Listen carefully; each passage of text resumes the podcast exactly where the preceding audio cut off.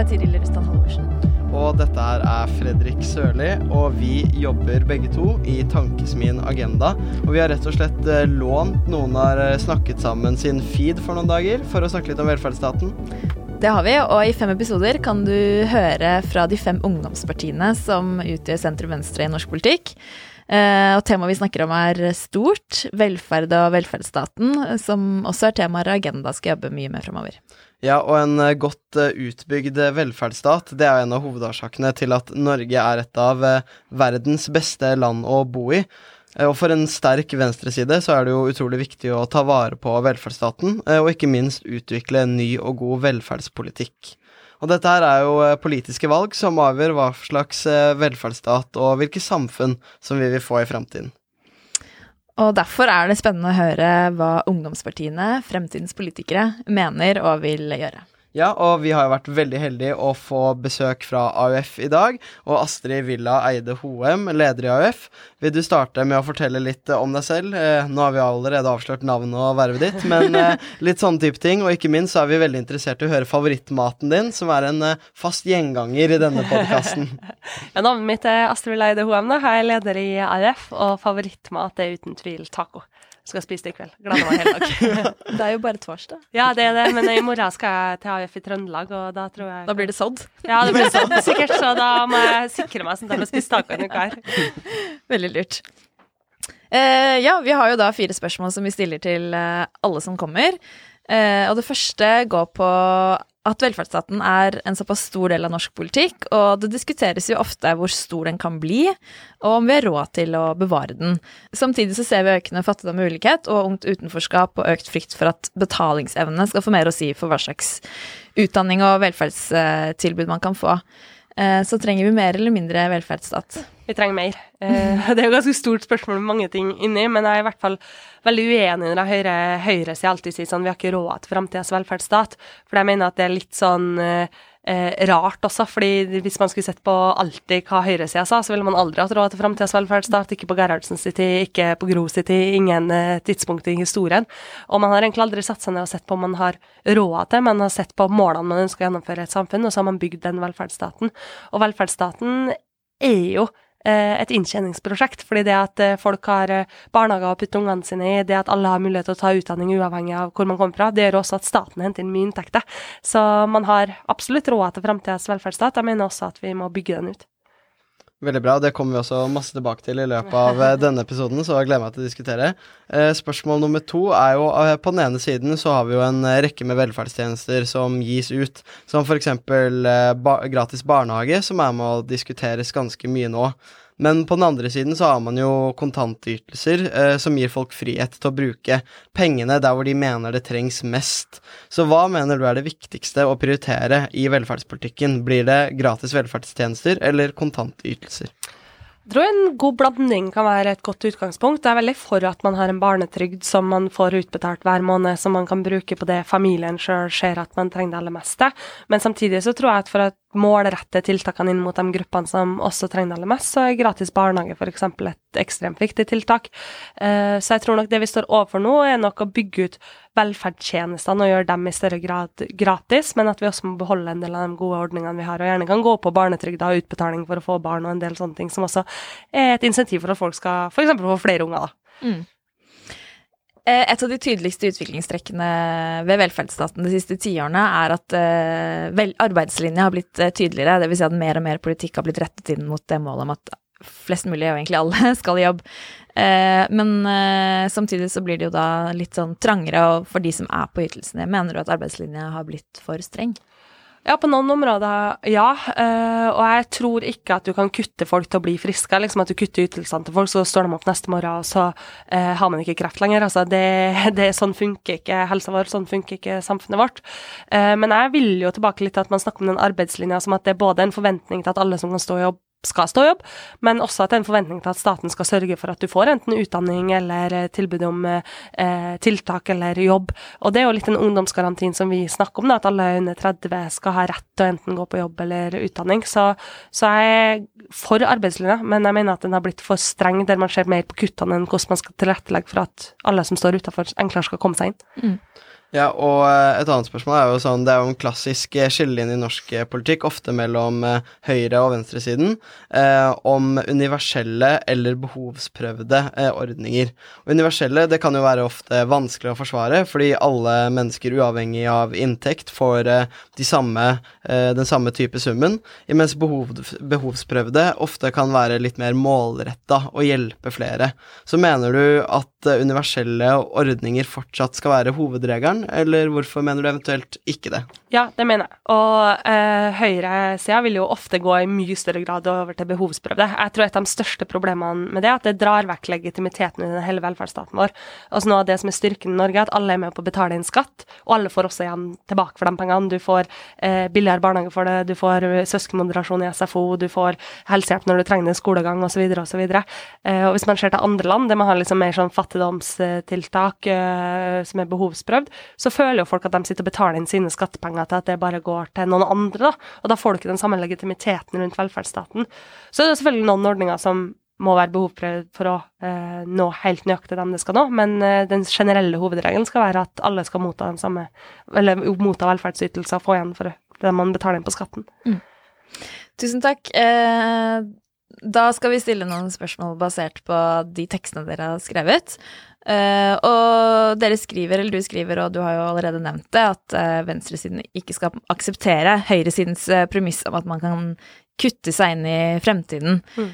Um, men um, spørsmålet blir jo hvordan skal man klare å, å snu den? Det er jo vanskelig å og liksom, hva skal man si, vise frem disse, at det er investeringer fordi man har årlige budsjett budsjetter, og man snakker om trangt handlingsrom, og liksom man bruker store deler av budsjettet på eh, i på en måte Arbeids- og sosialdepartementet tar eh, en stor andel av det. Hvordan skal man klare å liksom vri litt på den historien, fordi det er jo noe man hører gang på gang på gang.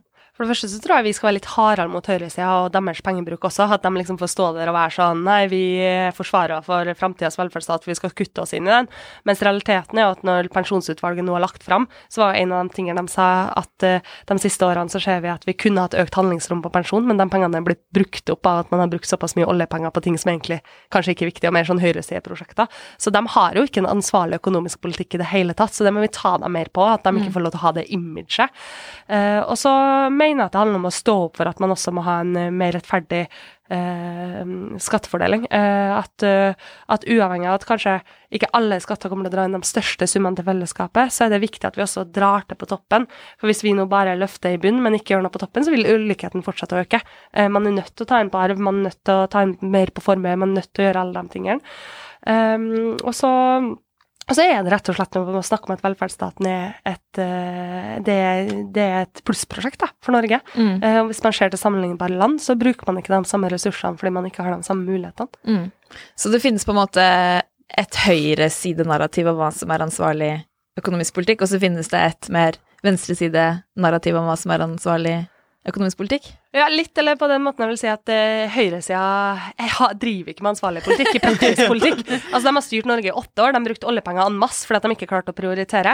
Eh, fordi at man skulle liksom please KrF og Venstre og Frp, så istedenfor å ta de harde prioriteringene, så bare eh, kjørte man på og brukte oljepenger. Jeg blir jo nesten flau når jeg så ledertrioen i Høyre gå ut og si sånn Nå brukes det for mye oljepenger. Det er ingen regjering som har brukt så mye oljepenger som dem. Mm. Eh, så de driver ikke ansvarlig politikk, det er bare retorikk og lite faktisk politikk. Um, og så er det, det er jo det ene, da, at man liksom må ta dem på at de faktisk ikke gjør det. Og det andre er jo at det narrativet de bygger om at vi ikke har råd til velferdsstatens bærekraft, altså den rapporten som kommer jevnlig, som nå står litt stille, hva heter Hva er den igjen? Rapporten som kom? Den velferdsstatens perspektivmelding. Ja. Takk. Den som kommer ganske jevnlig, den sier jo at det er flere tiltak. Ett av med å kutte, det andre er at man kan dra til på skatteinngangen. Og det har vi en del steder å hente. Og ikke bare på liksom enkeltpersoner, men måten vi skatter oppdrettsnæringa, eh, måten vi skatter eh, ja, ganske mange næringer, eh, gjør vi i for liten grad i dag. Så, så, jeg tror vi må ha en reell skattepolitikk der vi står litt med rak rygg opp mot høyresida, og ikke bare lar oss liksom tenke sånn Nei, skattedebatten, det vinner alltid høyresida, for det gjør de ikke. Mm. Ja, du var litt inne på det, Astrid, med skatteinngangen og skattepolitikk, at det er uh, utvilsomt viktig for velferdsstaten og for fordeling. Uh, og Arbeiderpartiet har jo gått til valg på et skatteløfte, der man bl.a. sier at når én skatt eller avgift går opp, så skal en annen gå ned, for å skape mer balanse og forutsigbarhet. Men hva tenker egentlig dere i AUF om dette skatteløftet, og hvordan er det man kan få råd til alle de velferdsprosjektene som man snakker om, når man ikke øker skattene? Jeg mener at hvis man gjør det på den måten at, eh, at eh, en skatt går opp på en avgift for andre går ned, altså hvis man skatter de rike mer, så går avgifta, så kan man godt ha det som prinsipp. Utfordringen med skatteløftet er at man eh, ikke da tar tak i arveavgifta, ikke tar tak skikkelig i formuesskatten og en del den type ting. Eh, så vi vil gå lenger enn Arbeiderpartiet på det. Eh, og jeg tror det kommer til å tvinge seg fram framover, fordi vi må hente flere inntekter et eller annet sted. Eh, og da mener jeg at det er bedre å skatte mer enn å kutte seg inn i framtidas velferdsstat. Ja, hvordan er det dere jobber med Arbeiderpartiet for å få dem med på AUFs tanker om eh, skattepolitikken? Nei, Vi jobber ganske mye med det. Eh, det vi jobber kanskje aller mest med, er jo boligbeskatninga. Det er jo både fordi det henter inntekter, men også for å presse ned boligprisene, sånn at flere kan komme seg inn på boligmarkedet. Og jeg syns det er ganske urettferdig at man kan sitte og eie tre boliger eller 500 boliger, og at man også kan få skattefordeler for det, samtidig som noen ikke får først, kjøpt sin første bolig. Eh, og det er jo også både liksom sånn dårlig sånn skattepolitikk, men også dårlig på en måte nærings- og industripolitikk. For da sitter jo folk og investerer egentlig i død kapital av leiligheter, kanskje ikke leie ut engang, istedenfor å investere i det grønne skiftet eller investere i bedrift som er på vei opp. Og, og, det er liksom litt sånn å tenke faktisk at vi må flytte de pengene over til andre typer investeringer. Mm. Uh, du skriver også en del om, om uh, ungt utenforskap, og et, et, en del av det bildet handler jo om at uh, ungdom har et mer pessimistisk syn på fremtiden enn det deres foreldres generasjon hadde. Og vi vet at 5% av alle under 18 år har fått behandling av psykisk helsevern, og 32% av ungdomsskoleelever sliter med søvnproblemer. Hvorfor tror du det er sånn at dagens uh, unge, også i Norge, liksom, hvor ting går relativt på skinner, uh, føler og har det sånn, og hva kan politikken eventuelt gjøre med det? Én ting er jo at vi kan bli den første generasjonen som på ganske lenge får eh, færre muligheter enn foreldregenerasjonen vår. Uh, og selv om jeg ikke tror liksom, unge våkner opp og tenker på det hver morgen, så påvirker det ganske mange ting. da. Mm. Du blir mer bekymra for om du får en jobb å gå til, du blir mer bekymra for om du får en bolig å kjøpe, og kjøper du en bolig, så kan det hende at du får mindre enn fra pensjonen din fordi at du sitter og har et lån hele livet, imens liksom, foreldregenerasjonen vår kjøper for 800 000 1 mill. og bare tjent og kunne nesten tatt ut i pensjon. Uh, så tror jeg det er litt sånn overhengende. Og så er det rett og slett det at det er noe vi ikke ikke får til på den psykiske helsehjelpa, på når folk virkelig begynner å føle at hverdagen er vanskelig, så er ikke det grunntilbudet der. Um, så rent politisk så tror jeg at vi må, vi må få til en skikkelig ungdomspakke. Vi snakka litt om det i korona, at, eh, at man liksom pakka til industrien, til kulturen, som var viktig og bra, mm. de fleste av dem, utenom oljeskattepakken. Men, uh, men, at man burde sette i gang en skikkelig ungdomspakke. Uh, hvordan vi får unge inn i jobb, hvordan vi får unge inn i boligmarkedet, hvordan vi gir framtidstro til en generasjon som nå har vært gjennom en pandemi, kommer på andre sida, det blir krig i Europa. I tillegg så vet man at prisene vil øke. Man syns det er vanskelig å komme inn på boligmarkedet. Så jeg tror man burde tenke skikkelig sånn Kan vi gjøre noen målretta tiltak mot unge? Mm. Og jeg tror ikke egentlig generasjonene er så ulike hverandre, for unge søker jo det samme som generasjonene før. Trygghet og framtidshåp, egentlig. Mm. Ja, eh, og så vokser det opp en generasjon nå eh, som har en helt unik tilgang også til ulike sosiale medier, eh, og blant annet dagens unge, inkludert meg selv, bruker masse tid på TikTok, eh, mm. og der møter man jo hele tiden folk som snakker om angst og stress og ulike psykiske plager, som gjør at mange selvdiagnostiserer seg selv fordi man klarer å speile seg selv i den virkeligheten man ser på TikTok. Hva forteller det om velferdsstaten at folk tyr til sosiale medier for å få diagnostisering og hjelp for sine psykiske plager? Jeg tror det er en kjempeutfordring. Og jeg tror når folk har det tøft, da, si at kjæresten din har slått opp, f.eks., så det, hadde det vært sunt om skolehelsetjenesten var til stede hver eneste dag, og du kommer inn og så bruker du kanskje et språk du kjenner fra sosiale medier og sier sånn 'jeg er deprimert', og får liksom svar sånn 'det er helt normalt', det du mm. føler nå, føler alle mennesker. Eh, men også hvis det er vanskeligere ting, eh, som spiseforstyrrelser eller noe der du det å begynne du trenger noen å snakke med, eh, så er det også en veldig fin start. Jeg tror det er det grunntilbudet som vi sliter med. Og så sliter vi også på andre sida med det tilbudet for dem som har det aller vanskeligst. Fordi nå ser vi at det er både en økning på dem som eh, rapporterer om at de syns det er litt vanskeligere, men det er også ganske mye mye tyngre på det som spiseforstyrrelsene er tyngre, mer kompleks, vanskeligere. Eh, det er tyngre, mer kompleks på depresjon, og da trenger du også et eh, behandlingstilbud som står der. Eh, og jeg er ganske bekymra for at hvis vi ikke får til den psykiske helsehjelpa, som vi til og med egentlig ikke har fått til når det har vært, når det har vært liksom mest blest rundt i Norge etter 22. juli, f.eks., så fikk man jo ikke til det for mange overlevende engang. Så, så er det ganske mange som man kunne fått den hjelpa, som ikke kommer til å få det fordi at ikke behandlingstilbudet er godt nok. Mm. Men tallene er jo dels ganske høye, og hvor mye tror du på en måte skyldes utviklingstrekk i samfunnet? Du snakket jo om bekymring for å komme inn på boligmarkedet, eksempel. Og det økende ulikhet vet vi at det er der, og kan bidra til en sånn det gjelder å lykkes, hvis ikke så kan man få det trangt da, i, i, i, i, livet fremover. Og hvor mye tror du på en måte skyldes litt den, som jo er i utgangspunktet bra, da, med at man snakker mer om følelser og eh, at liksom At man kanskje kjenner litt mer på det nå enn man gjorde før? Tror liksom krysspresset er blitt større, der man føler liksom Var du ikke god på skolen, eller uh, var du ikke den som var liksom flinkest til å slå vitser i klasserommet, men var best på fotballbanen, så var det liksom nok, da. Da var du han eller hun som var best på fotballbanen. Mens nå opplever man at man både må mestre fritidsaktiviteten, skolen, man gjør, det, man gjør det bra på sosiale medier, man må ha gode framtidsutsikter, man må ha god råd, riktige klær. Altså presset kommer fra så mange områder samtidig. Eh, og så tror jeg også at vi er en foreldregenerasjon som ikke skjønner helt det her. Mm. Og det er litt vanskelig liksom, hvilke tiltak skal man sette inn, hvordan skal man snakke med unger om det. Altså, jeg er jo født inn i internett, og nå begynner jo mange liksom, av dem som er i 30 eh, 35-åra å få unger. De tror jeg kommer til å ha en helt annen type forståelse for hvordan man snakker om det enn vår foreldregenerasjon. Um, men, eh, men, jeg tror også at, eh, at, eh, at, det er sunt at man snakker om det. Jeg tror ikke liksom på tide å si sånn Nei, men hvis vi snakker om depresjon, så blir flere deprimert. Nei, jeg tror tvert imot at det er kanskje flere som tør å være ærlige på hvordan man føler det, og at det også er sunt, da. Ja, nå har vi vært inne på veldig mange spennende politiske temaer. Alt fra bolig til psykisk helse, idrett og kulturtilbud. Um, og i pamfletten som dere som lytter på, kan lese på våre nettsider og alle andre steder den deles ut, så skriver jo dere i AUF at velferdsstaten skal utjevne forskjeller på alle mulige måter.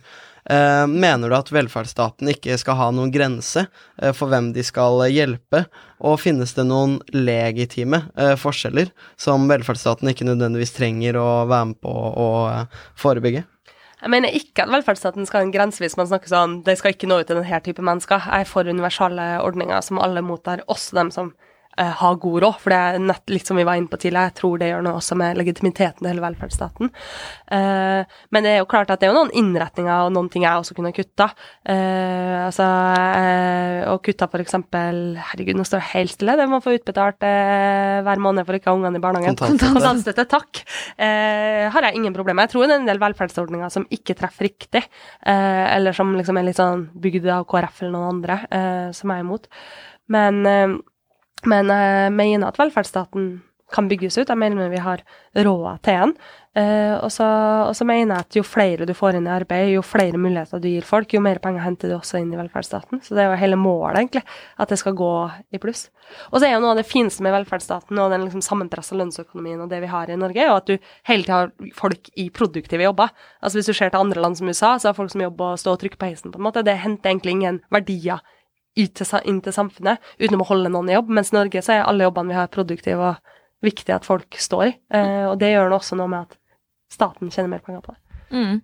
Ja, og, og, det å få flere i jobb er jo viktig for å redusere, for å redusere ulikheten og for å finansiere velferdsstaten.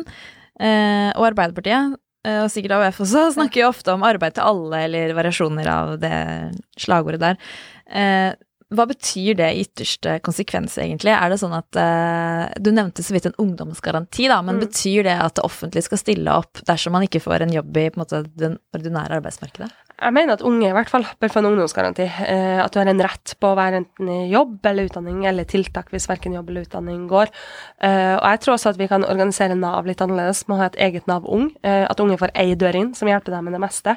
Med bolig, eh, med rusproblematikk hvis det er det, med, med, økonomien hvis det er det du sliter med, med spilling. Eh, altså det, for det ofte kan unge sine utfordringer være ganske komplekse, og når du har eh, når du klar for å ta tak i det, så må også hjelpeapparatet stå klart. Da. Og da er det ikke bare det å hjelpe deg med jobb. Det hjelper ikke å ha jobb hvis du ikke klarer å ha en har en ordentlig bosituasjon, eller ikke klarer å holde økonomien i orden, f.eks.